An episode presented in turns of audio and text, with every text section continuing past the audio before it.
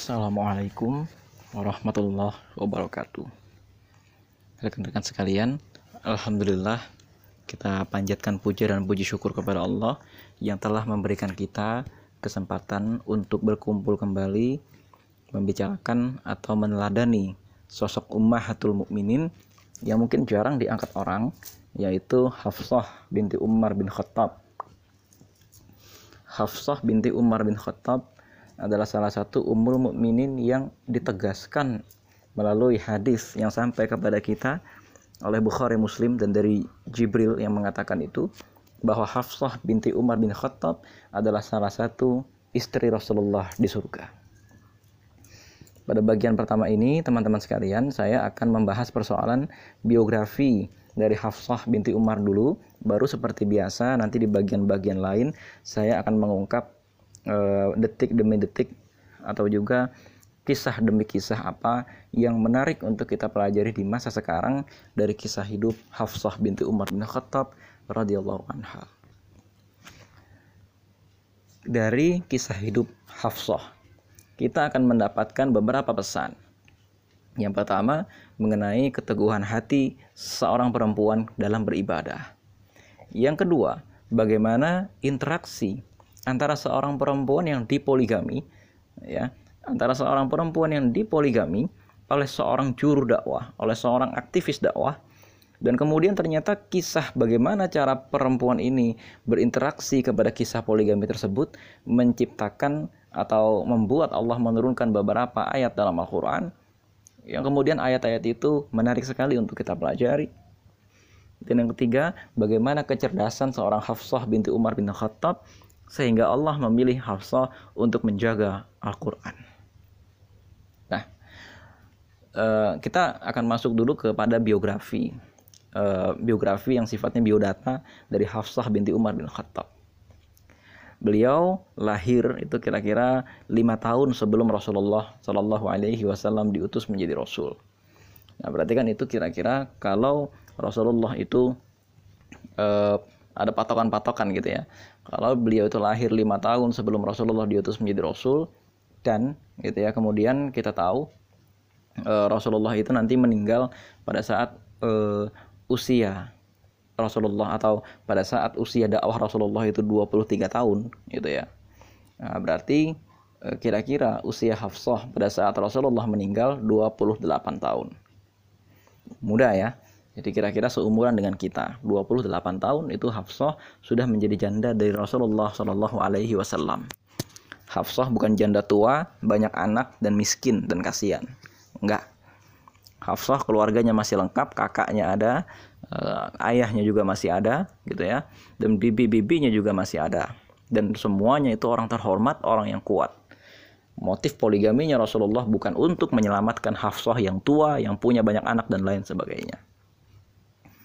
Nah, kemudian Hafsah itu e, menyaksikan di masa kecil pada saat Umar bin Khattab itu masih jahiliyah. Jadi artinya Umar itu kan masuk Islam itu kira-kira pada tahun kelima atau kira-kira pada tahun keenam kenabian. Maka di situ berarti usia Hafsah itu kira-kira sudah 11 tahun atau 10 tahun ketika Umar bin Khattab masuk Islam. Nah, kira-kira kalau seorang perempuan umurnya sudah 10 tahun atau 11 tahun itu kan masa pradewasa ya. Itu kalau di zaman sekarang kira-kira dia usia SMP sudah mulai bisa merasakan apa yang terjadi kepada orang tuanya. Apa yang dia rasakan kepada orang tuanya itu sudah lebih jauh lagi perempuan di usia itu mulai mempertanyakan siapa saya? Siapa Tuhan saya? Apa tujuan saya hidup? dan lain sebagainya itu perempuan yang tentu saja lebih cepat dewasa daripada perempuan di masa sekarang yang keracunan gadget gitu ya, yang orang tuanya sendiri tidak punya pola asuh yang baik. Hafsah kita tahu mengalami pola asuh yang luar biasa dari Umar bin Khattab dan di usia kira-kira 10 atau 11 tahun Hafsah menyaksikan satu transformasi atau perubahan yang luar biasa dari orang tuanya dan menyaksikan betapa Umar bin Khattab orang tuanya sendiri mempertahankan agama yang dia peluk dengan sepenuh hati sampai ayahnya itu dipukuli orang sampai ayahnya itu menjadi orang-orang yang orang yang betul uh, menjadi pendekar dalam Islam itu yang pertama yang kedua Kemudian setelah Umar masuk Islam dan Hafsah kira-kira memasuki usia bisa menikah. Ya. Hafsah itu menikah dengan salah seorang kaum Quraisy yang bernama Khunais bin Huzafah. Khunais bin Huzafah adalah orang yang uh, dalam periode pertama Islam, sebelum Umar bin Khattab masuk Islam, dia sudah masuk Islam. Di samping itu, memang keluarga besar dari Hafsah binti Umar sudah masuk Islam. Di antaranya adalah bibinya sendiri, yaitu Fatimah binti Khattab, dan pamannya, yaitu kakak dari Umar bin Khattab, Zaid bin Khattab. Paman dan bibinya terlebih dahulu memeluk Islam, baru kemudian disusul bapaknya. Kemudian Umar bin Khattab sendiri meskipun tercatat pernah menyiksa orang-orang muslim, akan tetapi beliau itu masuk Islam beruntungnya di masa ketika masih kategori as-sabiqun al-awwalun. Jadi cerita seluruh keluarga Hafsah masuk Islam itu adalah cerita keluarga awal sekali masuk Islam. Bisa kita lihat, jadi sosok pribadi Hafsah ini kira-kira seperti apa. Sudah mengalami pendidikan Islam sejak kecil ayahnya, suaminya, pamannya, dan bibinya sekaligus adalah orang-orang pertama dalam Islam. Kita bayangkan bagaimana kepribadiannya dan kita bayangkan bagaimana kecintaannya kepada Islam. Nah, kemudian eh, tidak ada catatan apakah Hafsah binti Umar itu sempat berhijrah ke Habasyah, tapi tampaknya tidak. Meskipun suaminya Khunais bin Huzafah itu tercatat sebagai orang yang hijrah ke Habasyah. Mengapa? Karena pada saat orang-orang muslim itu hijrah ke Habasyah pada tahun keempat, Umar belum masuk Islam. Begitu juga dengan anaknya. Akan tetapi pada saat itu yang masuk Islam baru kakak dan adiknya Umar bin Khattab. Maka otomatis tampaknya di situ Hafsah apalagi yang usianya masih kecil belum juga memeluk Islam. Tidak ada catatan apakah istri Khunais bin Huzafah pada saat itu sudah ada atau belum, apakah Khunais itu masih jomblo atau Khunais itu sudah menikah tidak ada catatan. Akan tetapi tampaknya setelah mendengar kabar Umar bin Khattab masuk Islam rombongan kaum muhajirin yang berhijrah ke Habasyah sebagian pulang termasuk di antaranya calon suaminya Hafsah ini yaitu Khunais bin Huzafah. Nah Khunais bin Huzafah ini kemudian pulang dan kemudian dinikahkan oleh Umar bin Khattab dengan Hafsah binti Umar Nah, akhirnya menikahlah mereka kira-kira usia Hafsah pada saat itu e, mungkin itu ya belum ada 15 tahun. Belum ada 15 tahun. Nah, kemudian mereka menikah dalam suka dan duka. Kira-kira kalau kita urutkan proses pernikahan e, mereka itu kira-kira pada tahun ke-7 Hijrah atau pada tahun ke-6 Hijrah pada saat Khunais bin Huzafah itu pulang dari Habasyah. Maka berarti Eh, pada saat itu gitu ya usia Hafsah ketika dinikahi uh, 10, 11 atau 12 tahun gitu ya kira-kira segitu dan kemudian lima tahun kemudian atau tiga tahun uh, lima atau enam tahun kemudian Rasulullah memerintahkan kaum muslimin untuk berhijrah ke Madinah. Nah di sinilah kemudian uh, Hafsah binti Umar berserta dengan suaminya itu berhijrah ke Madinah. Kira-kira berarti pada saat itu karena kalau ketika berhijrah ke Madinah itu ya e, memasuki tahun ke-13 kenabian dan kalau Hafsah itu lahir lima tahun sebelum kenabian, maka saat itu berarti usia Hafsah sekitar 17 sampai 18 tahun. Kira-kira segitu, gitu ya. Terus kemudian peristiwa demi peristiwa berlalu, ayah dan suaminya itu e, ikut Rasulullah berperang di berbagai medan laga. Kemudian terjadilah perang besar yang dinamakan sebagai perang Badar. Nah, kemudian pada saat perang Badar inilah suaminya itu mengandung atau suaminya itu menderita luka-luka yang parah sekali sehingga seusai perang Badar, Khunais bin Huzafah itu meninggal. Pada saat Khunais bin Huzafah itu meninggal, perang Badar itu kan terjadi dua tahun setelah hijrah. Maka otomatis pada saat itu usia Hafsah binti Umar baru 20 tahun. Dan tidak seperti yang ada dalam bayangan kita. Seakan-akan istri Rasulullah itu tua, banyak anak, ya dan butuh sekali dibantu oleh Rasulullah. Ternyata usia Hafsah masih 20 tahun. Coba kita bayangkan kira-kira umur 20 tahun di zaman sekarang tuh lagi gimana? Lagi lucu-lucunya ya, lagi asik-asiknya gitu kan. Lagi pokoknya masa-masanya dia mulai memikirkan mengenai hidup ini gitu ya. Kalau di masa-masa kita sekarang 20 tahun itu masa-masanya senang webtoon, 20 tahun itu masa-masanya seneng main naik gunung 20 tahun tuh seneng-senengnya nonton film Korea 20 tahun itu masa-masanya apalagi ya seneng dengerin musik ya lagi masa-masanya baru lulus sekolah gitu kan masa-masanya mengenal cowok gitu ya masa-masanya mengenal e, dunia cuma ternyata di usia 20 tahun Hafsah itu sudah janda Nah bisa kita bayangkan betapa sedihnya Hafsah dan ini menikahnya itu di jalan dakwah. Dan juga kemudian suaminya itu meninggal di jalan dakwah. Nanti ada kisah rumah tangga yang menarik sekali yang bisa kita pelajari dari Hafsah. Dan ternyata itu tidak mempengaruhi keimanan Hafsah sedikit pun. Akan tetapi firasatnya Umar bin Khattab sebagai bapak itu kuat. Umar bin Khattab khawatir ya kalau Hafsah itu kemudian jadi gimana-gimana gitu ya ketika suaminya itu meninggal maka kemudian Umar mengambil langkah cepat segera Hafsah itu tawarkan kepada sahabat-sahabat dari Umar bin Khattab ya Hafsah yang pada saat itu usianya 20 tahun pertama ditawarkan kepada Abu Bakar Siddiq mau nggak nikahin anak saya nih Hafsah? Abu Bakar diam. Ditawarkan kepada Utsman mau nggak nikahkan kepada Hafsah dengan Hafsah? Umar bilang saya lagi nggak mau nikah deket-deket ini. Nah, untuk kita tahu kenapa Umar itu menawarkan kepada Utsman, uh, Utsman itu tidak ikut perang Badar karena di saat yang sama ketika perang Badar itu meletus, istrinya anak Rasulullah Shallallahu Alaihi Wasallam sendiri meninggal yaitu Ruqayyah binti Rasulullah dan Umar itu masih masa duka, jomblo, kaya lagi. Nah, setelah tidak mau dinikahi oleh Abu Bakar, Umar membawa Hafsah kepada Utsman dengan harapan Utsman juga mendapatkan istri yang baru dan kemudian Hafsah juga mendapatkan suami yang baru. Tapi Utsman menolak. Tampaknya Utsman nggak suka gitu atau tampaknya Utsman itu nggak ridho. Masa dari anaknya Rasulullah saya menikahi anaknya Umar? Ya nggak apa-apa sih. Tapi Utsman lagi nggak mau. Kemudian ternyata Hafsah dinikahi oleh Rasulullah ketika Rasulullah itu mengadukan eh, ketika Umar itu mengadukan kisah Hafsah ini kepada Rasulullah. Ternyata Rasulullah mau menikahi Hafsah dengan ucapan Utsman akan menikah dengan yang lebih baik daripada Hafsah. Hafsah akan menikah dengan yang lebih baik daripada Utsman.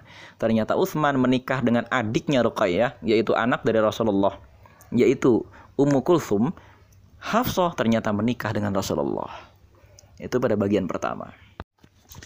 Selanjutnya rekan-rekan sekalian, di sinilah baru terjadi episode utama kisah pernikahan atau kisah riwayat hidup dari Hafsah binti Umar bin Khattab. Untuk kita ketahui, pada saat itu usia Hafsah 20 tahun, Rasulullah ketika menikah dengan Hafsah itu punya dua istri. Istri pertama Siti Saudah yang usianya lebih tua. Ya, terus kemudian istri kedua ya yaitu Aisyah binti Abu Bakar As-Siddiq yang juga lebih muda daripada Hafsah. Usia Aisyah pada saat itu itu kira-kira sekitar e, mungkin 10 sampai 11 tahun sementara usia Hafsah 20 tahun. Jadi usianya ini beda 10 tahun akan tetapi dibandingkan dengan Saudah jauh lebih tua. Saudah itu jauh lebih tua. Dan ada satu istri yang e, tinggalnya ada di Habasyah yang pada saat itu belum datang kepada Rasulullah yaitu Ummu Habibah. Nah, Ummu Habibah ini kan ketika mendengar kabar bahwa Ubaidullah bin Jahsy itu murtad, Ummu Habibah itu segera dinikahi oleh Rasulullah, tapi jarak, jarak jauh. Yang menikahkan itu adalah Najasyi, raja dari Habasyah. Ini menjadi syariat dari bolehnya menikah jarak jauh dengan perantara asal kedua belah pihak setuju. Nikah video call itu boleh, gitu ya. Nikah dengan yang penting kesepakatan. Di sana tuh tahu keluarganya sepakat, di sini juga keluarganya sepakat dan diumumkan tetap ada resepsi tetap ada walimah gitu ya. Tapi bukan itu yang mau kita bahas. Artinya bisa kita lihat kondisi keluarga Rasulullah ketika Rasulullah Shallallahu Alaihi Wasallam menikah dengan Hafsah. Ya, di situ ada sudah ada dua istri ya dan kemudian Hafsah masuklah ke dalam keluarga Rasulullah. Hanya kemudian namanya istri yang muda bukan istri muda ya tapi istri yang uh, usianya lebih muda sifat-sifat fitrah dari seorang wanita, sifat-sifat fitrah dari wanita yang memang dimadu oleh Rasulullah Shallallahu Alaihi Wasallam tidak bisa hilang. Setelah menikah dengan Hafsah itu, eh, Rasulullah itu menikah dengan kira-kira lima atau enam kali lagi dengan perempuan yang lain dan itu sama cantik juga, muda juga dan semuanya belum punya anak. Ya, eh, istri-istri Rasulullah yang sudah punya anak bukan dari Rasulullah itu di antaranya Khadijah, Siti Saudah, Ummu Salamah. Itu yang sudah punya anak sebelum uh, menikah dengan Rasulullah. Sisanya belum punya anak, baru janda saja, tapi belum punya anak. Artinya istrinya Rasulullah tuh jangan jangan kemudian kita mengecilkan syariat poligami menjadi memberikan syarat. Pokoknya saya mau dipoligami dengan nenek-nenek yang nenek-nenek itu sudah sakit tua dan lain sebagainya. Inilah sebenarnya pesan utama dari kisah menikahnya Hafsah. Tapi saya tidak akan mau masuk dulu ke dalam kisah pernikahan Hafsah itu. Saya akan masuk dulu ke dalam kepribadian dari Hafsah. Hafsah itu tampak sekali mencintai Al-Qur'an, gitu ya. Ini kita lihat dari Hafsah itu nanti ketika wafatnya Rasulullah dan Khalifah Abu Bakar Siddiq mengumpulkan Al-Quran. Ternyata Hafsah itulah yang diamanahi untuk memegang atau untuk menjaga lembaran-lembaran Al-Quran yang dikumpulkan oleh Abu Bakar Siddiq. Ceritanya panjang. Jadi ketika Al-Quran itu pelan-pelan turun di masa Rasulullah selama 23 tahun. Al-Quran itu kan cara turunnya itu perlahan-lahan. Ada jadi ada tiga cara. Pertama, ada peristiwa Terus turun jawaban dari Allah. Ada peristiwa yang susah sekali untuk dicari penyelesaiannya. Turun jawaban dari Allah berupa wahyu. Yang kedua, wahyunya turun dulu. Baru nanti kemudian uh, wahyu itu menjadi sebab terjadinya sesuatu. Karena wahyu itu berupa perintah. Contoh, wahyu berupa anjuran berperang. Wahyu berupa turunnya hukum dari sesuatu. Itu rata-rata belum terjadi, tapi kemudian wahyu itu turun uh, untuk menjelaskan sesuatu.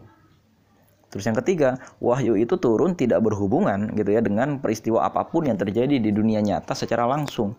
Wahyu ini berupa cerita-cerita biasanya. Contohnya surat Yusuf ya isinya cerita gitu kan atau surat Al-Anbiya isinya juga cerita sebagian. Atau juga lagi misalnya eh, beberapa surat di juz 30 itu kan turun di awal-awal masa dakwahnya Rasulullah. Nggak ada cerita apa-apa, turun saja. Nah, di antara eh, proses turunnya Al-Quran ini Tampaknya Hafsah itu bersegera menghafalkan itu sehingga menjadi salah seorang perempuan yang dinyatakan sebagai seorang hafillah. Dan ini istimewa, wahyu turun kepada suaminya dan sang istri itu menjadi salah satu perempuan yang beruntung menghafalkan secara langsung Al-Quran dari suaminya. Nah, ini istimewa. Nggak banyak orang zaman sekarang kan membayangkan ketika menikah itu menghafalkan bersama dan lain sebagainya. Nanti kita lihat. Bisa nggak nih ini dalam kondisi cemburu apa segala macam tapi ternyata Hafsah itu tetap bisa menjaga hafalan dalam hatinya ini nanti berkaitan dengan pertanyaan orang bahwa bisa nggak sih uh, kita itu belajar dari suami kita sebagai seorang juru dakwah ternyata susah tapi nanti gitu ya uh, ini ini membuktikan kecerdasan Hafsah dengan segala keterbatasannya di usia 20 tahun gitu ya untuk kita ketahui suami pertama Hafsah itu meninggal karena perang Ya, dari sini kita mendapatkan gambaran. Uh, Hafsah itu keluarganya terpaksa hijrah ke Madinah dari termasuk salah satu orang kaya di Madinah menjadi orang yang sangat-sangat miskin akan tetapi bukan yang termiskin, zuhud. Sederhana sekali hidupnya. Harusnya kalau ini terjadi di usia kita yang masih 20 tahun. Ini terjadi pada perempuan yang berusia 20 tahun, senang-senangnya punya suami, belum punya anak lagi kan, masih pacaran-pacarannya. Apa yang kita katakan? Dakwah ini merenggut suami saya. Dakwah ini merenggut harta orang tua saya. Dakwah ini ya merampas kebebasan saya di usia muda 20 tahun udah ada jadi janda, miskin pula gara-gara suami saya terbunuh di medan perang, harta ayah saya dipakai untuk menebus perang Badar, dipakai untuk membiayai dakwah Rasulullah Shallallahu Alaihi Wasallam dan sebagian besar harta suami saya serta harta ayah saya ditinggal di kota Mekah lantaran orang-orang kota Mekah itu tidak mengizinkan mereka membawa harta. Kan hijrah itu sembunyi-sembunyi. Coba kalau misalnya Hafsah itu menjadi orang zaman sekarang yang penuh dengan overthinking, nggak tuntas dengan dirinya, jadi bocah aja urusannya kan. Coba kalau Hafsah itu menjadi orang zaman sekarang yang yang menikah itu harapannya bukan gara-gara Allah, pura-pura karena Allah. Gitu. Mereka itu menikah pura-pura karena Allah. Terus kemudian ketika suaminya berjuang gara-gara Allah, istrinya nggak ridho. Ini nikahnya pura-pura karena Allah. Coba kita lihat di sini kematangan uh, Hafsah binti Umar bin Khattab menyebabkan ketika memang beliau merasa sedih akibat ditinggal oleh suaminya, kematangan itu menyebabkan Hafsah binti Umar dipilih oleh Allah untuk menikah dengan Rasulullah sebagai salah satu di antara ummahatul mukminin. Ini kemuliaan yang luar biasa. Seorang ummahatul mukminin harus punya kematangan tertentu, harus punya kekuatan tertentu yang menyebabkan beliau tidak membongkar rahasia rumah tangga Rasulullah karena yang namanya rumah tangga itu rahasianya sangat-sangat banyak teman-teman sekalian. Dan ini menyebabkan sifat amanah dari Hafsah binti Umar bin Khattab ini menyebabkan Hafsah itu menjaga Al-Quran. Karena kalau teman-teman mau tahu, bukankah banyak sekali ayat-ayat di Al-Quran yang berbicara mengenai kemuliaan istri-istri Rasulullah dibandingkan dengan istri-istri Rasul yang lain? Ada surat Al-Ahzab. Surat Al-Ahzab itu turun terhadap Zainab binti Jahsy. Bayangin kalau misalnya nih Hafsah itu adalah istri yang lebih tua daripada Zainab binti Jahsy. Ternyata kalau misalnya karena baper Hafsah nggak mau menyampaikan ayat Al-Quran yang berkaitan dengan Zainab binti Jahsy di surat Al-Ahzab, apa yang terjadi? Al-Quran acak adul. Allah mungkin ya barangkali Allah menetapkan atau Allah itu meneguhkan hati Hafsah di sini. Belum lagi banyak sekali ayat Al-Qur'an ya contohnya di surat Al-Hujurat, uh, di surat dan lain-lain lain sebagainya yang turun mengenai menegaskan kesucian dari Aisyah binti Abu Bakar Siddiq. Kalau Hafsah ini orangnya tuh nggak selesai dengan dirinya, nggak mau dia menyampaikan wahyu yang bicara mengenai orang yang dipoligami bersama dirinya. Ini kalau Hafsah itu jadi perempuan zaman sekarang Kan yang sering ditanyakan orang zaman sekarang Hafsah tuh pencemburu. Jadi sah-sah aja saya nggak mau dipoligami gara-gara pencemburu. Entar dulu kita lihat. Cemburunya Hafsah tuh cemburu yang kayak apa? Apakah kecemburuan Hafsah adalah kecemburuan yang menyebabkan Hafsah bersikap tidak adil? Apakah kecemburuan Hafsah adalah kecemburuan yang menyebabkan Hafsah menukar agamanya? Gak sama sekali. Ada lagi ayat Al-Quran yang misalnya bercerita mengenai Ummu Salamah yang kemuliaannya sangat tinggi dalam surat uh, Al-Mumtahanah. A'udzubillahi minasyaitonirrajim. Asallahu ayyaj'ala bainakum wa bainal ladzina 'adaitum minhum mawaddah. Barangkali Allah akan menciptakan rasa kasih sayang antara engkau dan musuhmu gitu loh. Itu gara-gara siapa? Gara-gara pernikahan Ummu Salamah eh, gara-gara pernikahan Ummu Habibah karena Ummu Habibah binti Abu Sufyan gitu ya adalah eh, anak dari pemimpin pasukan Quraisy pada saat perang Uhud meskipun nanti Abu Sufyan itu masuk Islam lantaran kasih sayangnya kepada Rasulullah. Tapi itu ceritanya panjang sekali gitu ya. Bukan dalam arti Abu Sufyan terus kemudian bertaubat mencintai Rasulullah bukan tapi ada cerita politik yang panjang sekali. Akan tetapi ayat ini jelas turun mengenai Ummu Habibah. Kalau Hafsah itu baper, kalau Hafsah itu pencemburu, nggak clear ketuntasan jiwanya, selalu memiliki rasa yang egois dan lain sebagainya, kecemburuannya itu mengalahkan keimanannya kepada Allah. Selesai.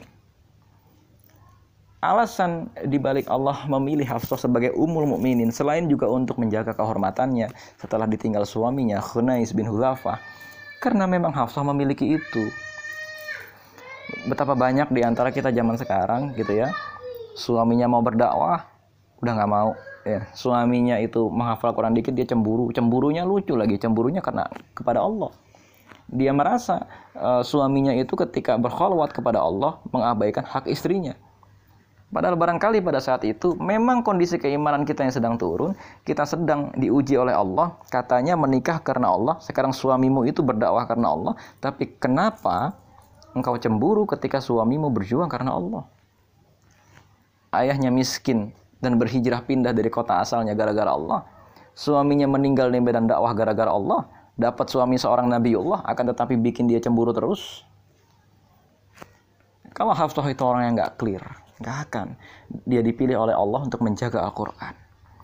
Di samping itu, ingatannya sangat kuat hafizah 30 juz dan orang yang dipilih untuk menjaga Al-Qur'an sudah pasti bukan cuma mengetahui Al-Qur'an, bukan cuma menghafal Al-Qur'an, akan tetapi mengetahui ini Al-Qur'an turun buat siapa.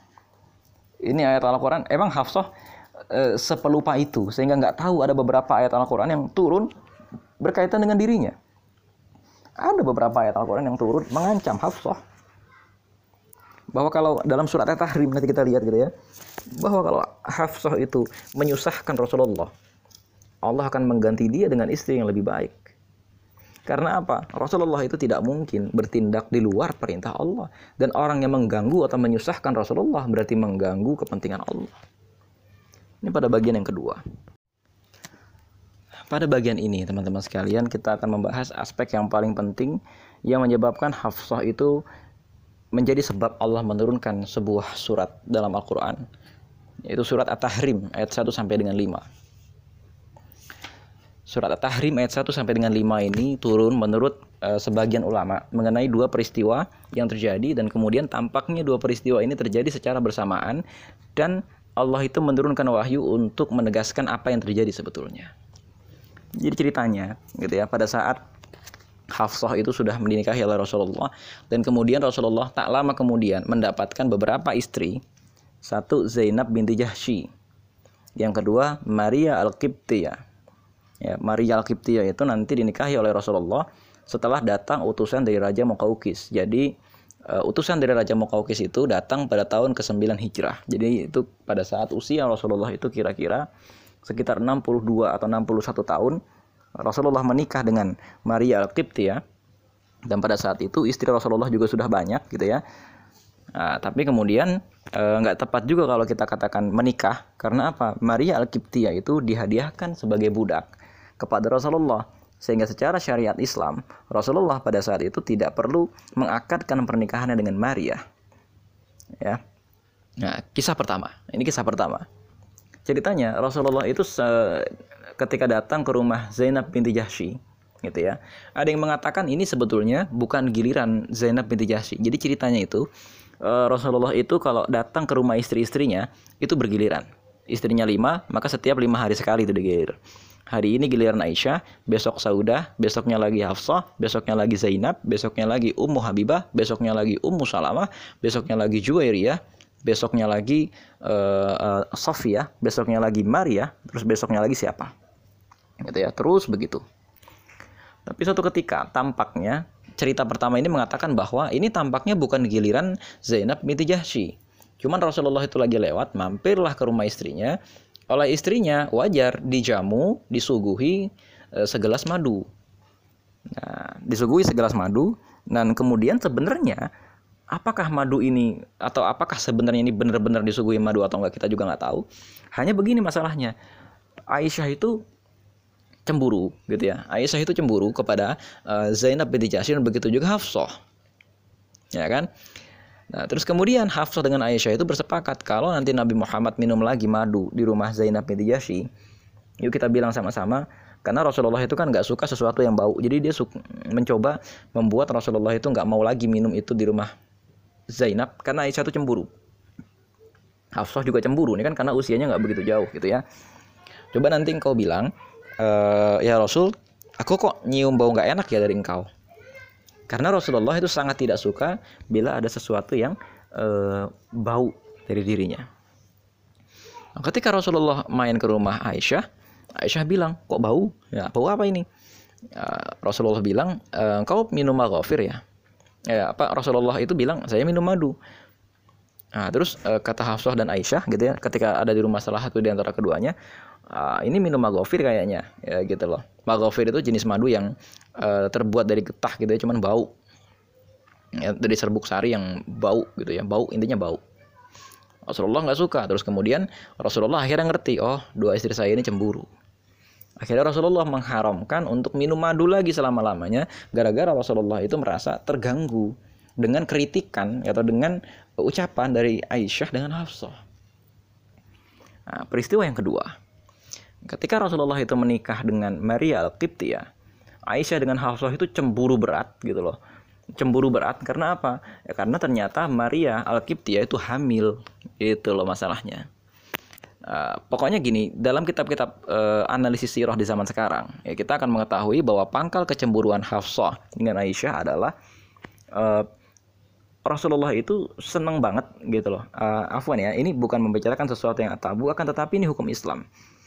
Secara hukum Islam, budak wanita yang tidak ada suaminya, artinya budak wanita ini kita beli dan dia tidak punya suami dan lain sebagainya, dia itu boleh digauli uh, sebagai hubungan suami istri gitu ya oleh sang majikan.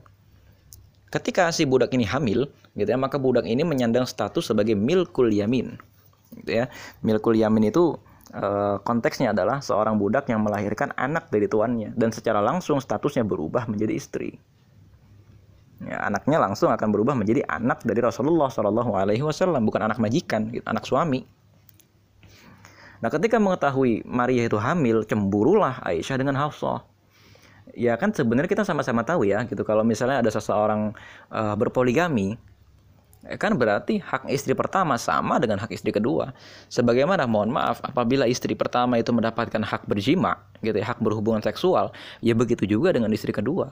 Begitu juga dengan istri ketiga dan seterusnya sampai kalau orang zaman sekarang itu maksimal empat. Cuman ya Aisyah namanya juga perempuan gitu ya, namanya juga perempuan terbawa perasaan ya sebel juga gitu loh. Cemburu berat. Itu kan karena kalau dalam kitab sirah hanya ditulis cemburu karena Rasulullah itu suka sekali e, berhubungan gitu loh dengan si Maria ini gitu loh. Bukan si ya ini sahabat Nabi gitu loh tidak sopan menggunakan kata si. Karena e, cemburunya ini gitu ya Aisyah itu sampai marah Hafsah itu juga sampai marah gitu ya. Dan e, kemudian ternyata Nabi Muhammad itu sampai mengharamkan Maria Al-Qibtiyah lagi untuk e, berhubungan seksual dengan beliau Emang ceritanya harus begini gitu loh maksudnya. Jadi untuk memahamkan konteks gitu loh. Jadi konteksnya itu uh, Aisyah dengan Hafsah itu merasa nggak adil dong gitu masa uh, sebagaimana uh, suami kita berhubungan seksual dengan kita, suami kita juga berhubungan seksual dengan budak. Gak adil dong. Nah, padahal adil atau enggaknya ini kan bergantung dengan persepsi masing-masing, gitu ya. Wah, akhirnya di situ sampai sedemikian lama ada dilema gitu ya.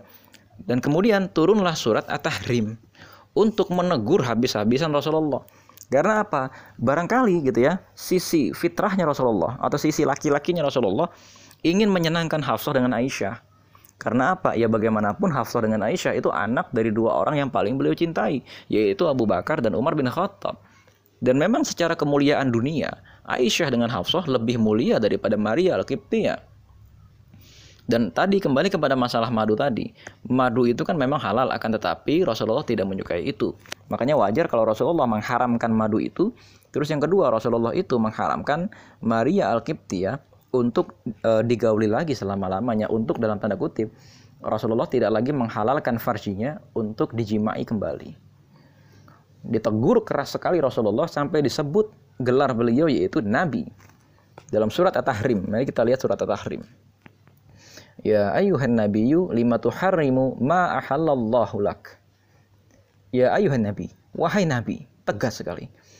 Lima tuharrimu, lima tuharrimu ma.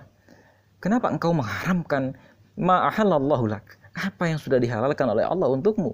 Pertama soal madu, kedua budak itu halal disetubuhi. Tabtaghi mardata azwajik. Kan itu kata Allah. Apakah engkau uh, uh, mencari kesenangan hati istri-istrimu? Ditanya langsung seperti itu.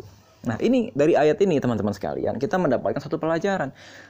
Kesenangan istri kita ya, itu belum tentu keridoan Allah, itu masalahnya begitu. Apalagi nih kasusnya sampai Rasulullah itu mengharamkan sesuatu gara-gara Rasulullah itu merasa tidak disukai oleh istrinya. Padahal kalau kita lihat, Rasulullah itu kan seorang nabi Ketika Rasulullah mengharamkan sesuatu, itu kan statusnya langsung berubah menjadi syariat. Tapi ini menunjukkan bahwa ya seorang nabi itu bebas dari itu semua. Enggak boleh seorang aktivis dakwah itu meninggalkan atau menjalankan sesuatu gara-gara hawa nafsunya sendiri. Meskipun hal itu, gitu ya, hal itu tampaknya untuk menyenangkan keluarganya. Nah, di sini loh ibrah selanjutnya ingin saya tekankan sekali lagi. Rasulullah saja gitu ya, ingin berusaha adil dengan cara menuruti kemauan istri-istrinya untuk mengharamkan sesuatu yang dihalalkan oleh Allah, teguran yang keras sekali. Mohon maaf, kebanyakan perempuan di zaman sekarang itu mengharamkan apa yang dihalalkan oleh Allah, yaitu poligami dengan menetapkan syarat-syarat yang tidak syar'i. Sementara dirinya sendiri tidak menciptakan sebab-sebab agar suaminya mencintai sang istri. Ya, misalnya, wah, sejak kapan syariat poligami itu harus kepada nenek-nenek? Nenek-nenek itu dinafkahi, ya, tapi tidak ada syariat wajib menikahi nenek-nenek, nggak ada. Hafsah umur 20 tahun, di poligami sama Aisyah umur 11 tahun, dan juga kepada Siti Saudah umur kira-kira saat itu sudah 60 tahun. Dan kemudian dipoligami lagi dengan Zainab binti Jahsy yang kira-kira usianya 25 tahun. Dipoligami lagi dengan Safiyah binti Huyai bin Akhtab yang saat itu usianya kurang lebih 16 tahun atau 17 tahun. Gimana? Memang inilah yang kemudian menjadi rahasia dari ucapan mencintai Allah itu belum tentu. Ya, mencintai Allah itu e, belum tentu efeknya kita senang gitu loh. Coba kita lihat. Rasulullah itu kan ditegur keras sekali sampai disebut nama beliau nabi gitu loh. Karena mengharamkan sesuatu yang dihalalkan oleh Allah itu tegurannya sangat keras. Sangat-sangat keras. Ancaman dan neraka.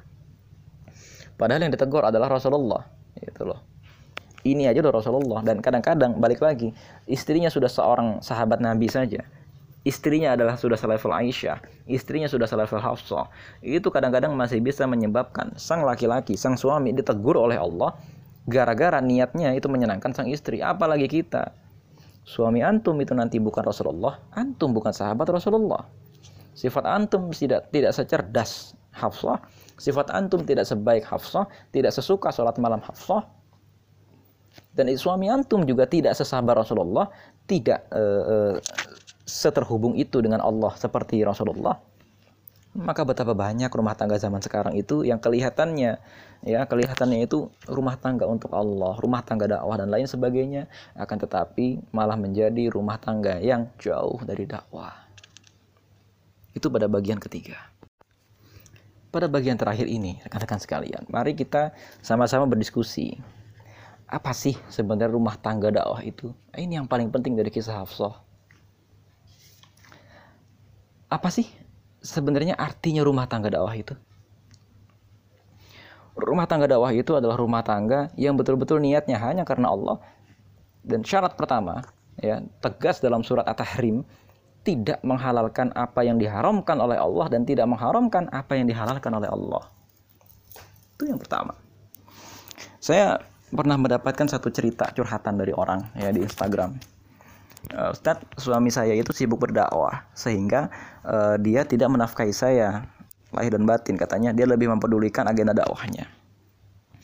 Berarti ada dua masalah di sini. Satu cemburu dengan dakwah. Yang kedua tidak dinafkahi. Ini dua masalah yang berbeda ya. Tidak dinafkahi lahir dan batin itu masalah lain. Itu yang menyebabkan seorang suami e, ditegur dengan keras oleh Allah Subhanahu wa taala di kesempatan yang lain akan tetapi gitu ya e, ketika uzurnya adalah dakwah gitu ya dalam artian gitu ya ini suaminya itu sibuk berdakwah sehingga e, memang keluarganya itu menjadi agak terabaikan. Nah di posisi inilah kadang-kadang sebagai istri ya, sebagai istri kita harus pintar-pintar memilah mana yang betul-betul kecemburuan kita atau sakit hati kita itu karena Allah atau yang kedua mana yang gara-gara hawa nafsu kita ketika teman-teman menikahi seorang juru dakwah maka teman-teman tanpa sadar sebetulnya tengah menikahi alat Allah untuk membesarkan umat ini. Kita kan selalu punya cita-cita ya Allah nikahkanlah aku dengan orang yang e, dekat dengan engkau dan lain sebagainya. Namanya orang dekat dengan Allah, Allah itu akan memberinya satu tugas yang berkaitan untuk mengubah masyarakat. Dekat dengan Allah itu apa emangnya artinya? Apakah dengan Allah dekat dengan Allah itu maksudnya itu dia selalu di rumah, baik, ramah, masuk jam 7, pulang jam 3 sore, malamnya kelonan bareng istri. Apakah begitu? Enggak. Semakin orang itu dekat dengan Allah semakin orang itu akan merasakan ketidakadilan yang terjadi di dunia ini. Semakin orang itu akan punya simpati kepada penderitaan umat yang terjadi di dunia ini. Maka semakin dia punya simpati itu, semakin dia merasakan ketidakadilan itu, maka orang ini akan terpanggil di jalan dakwah. Karena kalau orang ini sudah mencintai Allah, maka panggilan Allah duluan yang akan dia penuhi, bukan panggilan manusia. Itulah karakter dakwah dan itulah yang dipahami oleh Khunais bin Hudzafah. Itulah yang dipahami oleh Umar bin Khattab. Itulah yang dipahami oleh Hafsah. Sekali dua kali cemburu wajar. Akan tetapi yang namanya rumah tangga dakwah itu nggak boleh kita sampai uh, kemudian menukar hukum Allah. Wahai suamiku jangan berdakwah ngapain sih? Anak istri belum makan dan lain sebagainya. Loh, sejak kapan uh, wahai para istri, sejak kapan wahai para perempuan, sejak kapan Allah itu e, menetapkan bahwa sebab rezeki kita itu harus dari suami, sedangkan suami kita sedang sibuk berdakwah. Mana kata-kata manis yang dulu diajukan sebelum menikah bahwa aku akan mendukung suamiku berdakwah? Sedangkan barangkali suami kita nggak gugur di medan perang. Ayah kita itu barangkali nggak mengorbankan hartanya di medan jihad dan lain sebagainya. Akan tetapi sekarang kebanyakan orang itu cuma pura-pura menjadikan rumah tangga dakwah itu agar indah di media sosial, akan tetapi nggak mau menjalankan itu di dunia nyata. Apalagi kasusnya misalnya nanti begini, ini wajar ya sebagai seorang juru dakwah mendapatkan direct message atau mendapatkan pertanyaan, Ustadz mau nggak e, berpoligami ini ada akhwat begini begini begini begini. Nah, sebagai istri kira-kira gimana? Pasti rasa kemanusiaan tersengat gitu loh. Fitrahnya sebagai perempuan tersengat. Akan tetapi jangan kita mengharamkan Jangan istri mengatakan saya tidak mau dipoligami, kalau saya dipoligami maka saya tolong dicerai. Itu perkataan yang sudah mengharamkan apa yang dihalalkan oleh Allah. Dan jangan sampai juga laki-laki menetapkan sebuah syarat. saya tidak mau berpoligami atau saya e, mengharamkan poligami gitu kan bagi saya satu istri sudah cukup karena begini begini begini terserah mau dia bilang satu istri sudah cukup akan tetapi kalau dia mau belum mau berpoligami jangan seakan-akan menjadikan poligami itu menjadi satu syariat yang haram atau makruh karena hukum berpoligami sebagaimana hukum pernikahan pada awalnya tergantung kondisi orang yang menikah tersebut itu yang pertama susah ya susah Susah, sangat susah. Ya, yang kedua, pelajaran dari rumah tangga Hafsah dengan Rasulullah Shallallahu Alaihi Wasallam. Hafsah itu pada satu titik itu pernah dicerai oleh Rasulullah. Alasannya ada beberapa hal alasan, tapi ada beberapa ulama menafsirkan. Saya tidak tahu ini apakah dibenarkan atau tidak. Katanya Hafsah itu kaku, keras dan lain sebagainya dan pencemburu. Sehingga Allah atau Rasulullah itu menceraikan Hafsah dan Hafsah sendiri dan Aisyah juga sudah ditegur melalui surat At-Tahrim bahwa kalau engkau itu mempersulit Rasulullah, engkau itu mempersulit dakwah suamimu, ya nanti Allah akan memberikan orang yang lebih uh, patuh gitu ya, lebih bertakwa dan lain sebagainya. Urusannya patuh dan takwa karena kebanyakan orang laki-laki meninggalkan dakwahnya di jalan Allah hanya gara-gara istrinya tidak mau patuh, hanya gara-gara mohon maaf istrinya menjadi beban. Harus seimbang dong. Ya betul harus seimbang Sangat betul, sangat betul. Akan tetapi yang menjadi permasalahan adalah ini balik lagi ketuntasan sang istri. Maka kalau memang kita itu mau menjadikan rumah tangga kita adalah rumah tangga dakwah, ya kita harus yang pertama menyempakati itu dengan suami. Suaminya mau dakwah ke mana aja, begini begini begini. Kira-kira jadwalnya gimana aja? Begini begini begini begini. Akan sekeras apa? Begini begini begini begini. Kita jangan mencampuri dia. Karena apa? Barangkali kalau kita mencampuri dia gara-gara dia atau gara-gara pola hidup kita itu mewah dan lain sebagainya, umur dia itu habis mencari nafkah. Umur dia itu habis mencari rezeki yang kita habiskan tidak di jalan Allah. Kita boros dengan makanan, kita minta barang-barang mahal dan lain sebagainya sehingga harusnya harta itu bisa digunakan untuk membiayai organisasi dakwah atau membiayai kegiatan jihad di jalan Allah, habis hanya untuk merawat istrinya. Sudah gitu mungkin gara-gara istrinya cerewet, gara-gara istrinya tidak menyenangkan hatinya, dia kehilangan rasa cinta kepada istrinya itu. Karena apa? Istrinya itu mencintai suaminya dan cemburu kepada suaminya gara-gara suaminya mencintai Allah, mencintai jalan dakwah. Dan ketika suaminya meminta, eh, ketika istrinya meminta agar suaminya tidak terlalu mencintai Allah, tidak terlalu mencintai jalan dakwah, maka Allah akan menciptakan sebab-sebab dua orang itu tidak lagi saling mencintai. Surat Maryam ayat 96. Buka. Allah akan menurunkan rasa cinta kepada orang-orang yang beriman dan beramal soleh. Berarti, kalau istrinya itu tidak dalam rangka keimanan, meminta suaminya meninggalkan jalan dakwah, alasannya macam-macam sekali. Dan maka sebaliknya, Allah akan membuyarkan cinta mereka. Allah akan memisahkan mereka.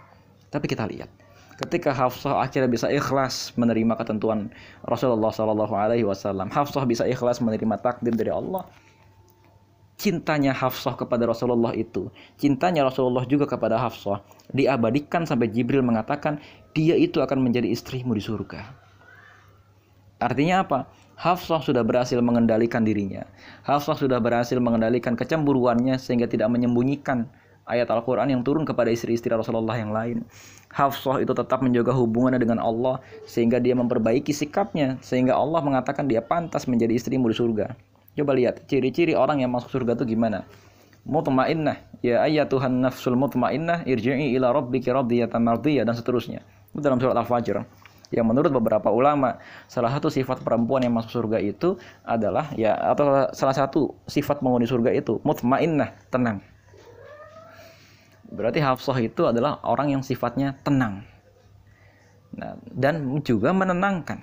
Artinya Hafsah dengan segala yang terjadi kepada dirinya telah berhasil mengubah kualitas dirinya, tidak mengurangi jadwal dakwahnya Rasulullah yang padat itu, juga kemudian tidak mempertanyakan lagi keadilan Rasulullah. Karena balik lagi dalam perkara poligami, adil atau tidak adil itu perkara lain. Adil menurut kita, itu belum tentu adil menurut Allah. Karena kita itu maunya Allah yang menguntungkan kita bukan Allah yang adil. Kita itu maunya Allah yang selalu berpihak kepada kita, bukan Allah yang berpihak kepada keadilannya. Kalau seperti itu terus, maka siapa pun yang menjadi suami kita, meskipun suami kita itu udah nggak pernah selingkuh, hartanya sudah puluhan juta, nggak akan cukup. Karena kita selalu meminta uh, pemuasan dari selain Allah. Kita selalu meminta pemuasan dari laki-laki. Sementara laki-laki itu sangat tidak abadi, meskipun itu Rasulullah. Hafsah menghadapi kenyataan itu. Ya. Hafsah menghadapi kenyataan itu. Pada usia Hafsah 28 tahun, Rasulullah meninggal. Kalau Hafsah mencintai hanya fisik Rasulullah, maka Rasulullah sekarang sudah meninggal. Mau ngapain Hafsah kira-kira? Karena sekalian, kira-kira itu yang bisa saya sampaikan.